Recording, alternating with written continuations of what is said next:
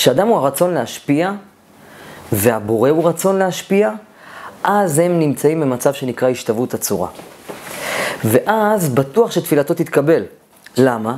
כי מה הבורא רוצה? הבורא רוצה להשפיע. ואדם, כשהוא מתפלל על הזולת, אז הוא בטוח שהבורא רוצה שהתפילה תתקבל, כי הבורא מקבל את התפילה של הרצון להשפיע. ולכן הכוח הגדול יותר הוא שאדם יתפלל על הזולת ולא על עצמו.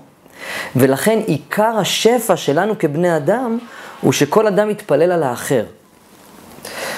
אה, ועל זה נאמר צדיק גוזר והקדוש ברוך הוא מקיים. התפילה מתקי... מתקבלת כאשר האדם לא מרוכז בעצמו, אלא כדי למלא כלי אחר. כי אהבה פירושה היא מילוי כלי שאינו אתה. זאת אהבה. אנחנו כלים, ואיך אני יודע שאני אוהב מישהו אחר? כשאני רוצה, רואה את החסרונות שלו, את, הצר... את מה שהוא צריך, ואני רוצה למלא אותו כמו שהייתי רוצה למלא עבור עצמי. וזאת אהבה. והצדיק, מה זה צדיק? צדיק זה לשון צדק, הבורא הוא צדק, והבורא הוא צדיק, ואם האדם הוא צדיק, והם שניהם מבחינת להשפיע, אז הצדיק הוא כמו הבורא, וכמו שהבורא, ב, ב, כתוב ויאמר אלוקים יהי אור ויהי אור. הבורא ברא את העולם בדיבור, בדיבור ניתן לברוא מציאות, ולכן הצדיק הופך בחינה, הופך להיות בחינה של בריאה על ידי הפה שלו, ולכן באופן אוטומטי כאשר הצדיק מתפלל או מברך, אז הברכה או התפילה מתקבלת ומתקיימת. ואיך הוא מגיע למצב של צדיק? על ידי זה שהוא בעצם מכניע, מבטל את עצמו, מקטין את עצמו ומגדיל את הזולת. ו, ולכן משה רבנו היה, הוא הביא תורה. לכן משה רבנו, הוא הוריד את התורה בהר סיני, כי כתוב, והאיש משה ענב מאוד מכל האדם אשר על פני האדמה. בזכות הענבה שלו, שהקטין את עצמו בפני כל אדם, משה רבנו, גדול הנביאים, גדול, גדול, גדול, גדול של הגדול, הקטין את עצמו והיה הולך ברחו, היה הולך עם בני ישראל במדבר, קצת שפוף קומה, והיה מסתכל על כל אדם ורואה את הטוב שבו. וזאת חברה רוחנית, ולכן התפילה שלו התקבלה, וזה ההפך מטומאה. זה ההפך מאנשים שאומרים כמה הם גדולים, או הורידו איזה מידעים כאלו ואחרים. ואם הבורא גוזר ומקיים, כך גם הצדיק שמקבל כוח מהבורא, כי כוח הבריאה היא כוח ההשפעה. ויש לצדיק כוח ההשפעה, וכשיש כוח כזה, רק מי שיש לו רצון להשפיע מקבל אותו. כי זה כוח בריאה, ומי שאינו טהור, אסור שיברא, כי יברא כלים לשרת אותו. למה אה, הרבה, למה, למה אנשים שהם לא בקדושה וטהרה, הם לא בחינה של צדיק גוזר והקדוש ברוך הוא מקיים? אתם יכולים לראות המון המון מיסטיקנים, המון אנשים מקבלים ידע כדי לשרת את העולם. אבל לא הרבה אנשים זוכים להתפלל ושהתפילה שלהם תתקבל, לא הרבה אנשים זוכים לברך ושזה יתקיים. למה?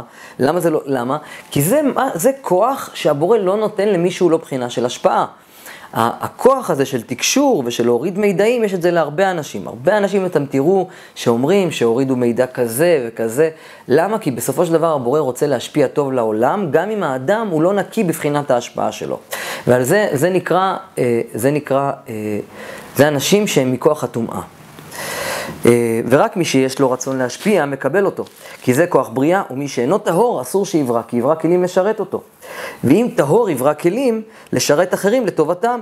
לכן, כוח תפילתו מתקבלת. וצדיק לא צריך כלום לעצמו, הוא מתפלל רק על הזולת, כי הוא בהודיה תמידית. מה זה צדיק? צדיק זה אדם שמצדיק את הבורא. הוא כל דבר שקורה לו, הוא אומר, הכל בסדר, גם זו לטובה. והוא מסתכל על הצורך של האחרים, מה האחרים צריכים, כי הוא מאושר עם מה שיש לו, הוא בהודיה תמידית, וזאת קדושה.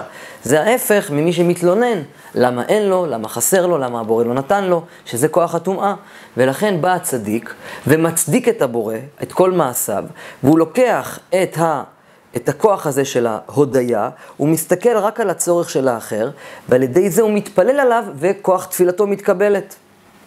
ומתוך התפילה לאחר שהוא, לאח, מתוך התפילה לאחר, הוא מקבל מילוי, ולכן יש לו הכל ממילא.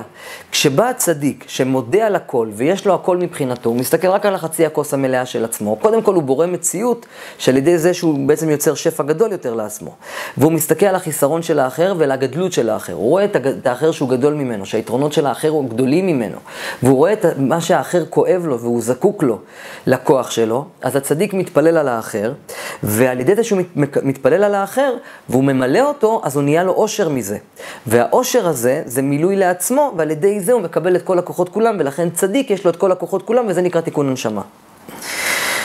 התפילה היא מכל הלב. מה זאת אומרת? למה? הצדיק צריך להתפלל תפילה שהיא מכל הלב.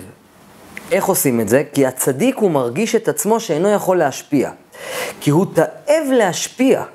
וכשאדם בתאווה להשפיע, הוא בחוסר שלו מאוד. ואז ממילא הוא מגיע לתפילה בתאווה, ואז בזכות התאווה וכוח התפילה, מעומק הלב, מה, ש, מה שכתוב, קוראים לזה בקבלה, אומקא דליבה. הוא מתעמק, הוא מתפלל מעומק הלב ומתקבל את התפילה, וזה עיקר התיקון. כי הענווה הוא שורש הצלחת התיקון.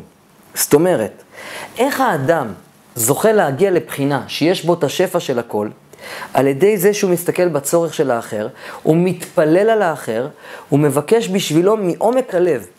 אם, אם אתם תבינו שאתם, כולנו זה בן אדם אחד, אז, ואנחנו זה האדם הראשון, אנחנו מרכיבים את האדם הראשון, שזה המקובל הראשון, וכולנו זה ניצוצות קדושה שלו, ואנחנו התפוצצנו, ואנחנו בעצם הנשמה שלו, אז אתם יכולים לבקש על הזולת כאילו הייתם מבקשים על עצמכם. ואם אתם אוהבים את הזולת כמו שאתם אוהבים את עצמכם, אבל לעצמכם אתם בהודיה, ולאחר אתם רוצים לתת מילוי כי אתם אוהבים אותו, אז אתם בעצם מתפללים עליו מכל הלב, כי אם נניח בן אדם כואבת לו היד, הוא יתפלל מעומק הלב שתפסיק לכאוב לו היד.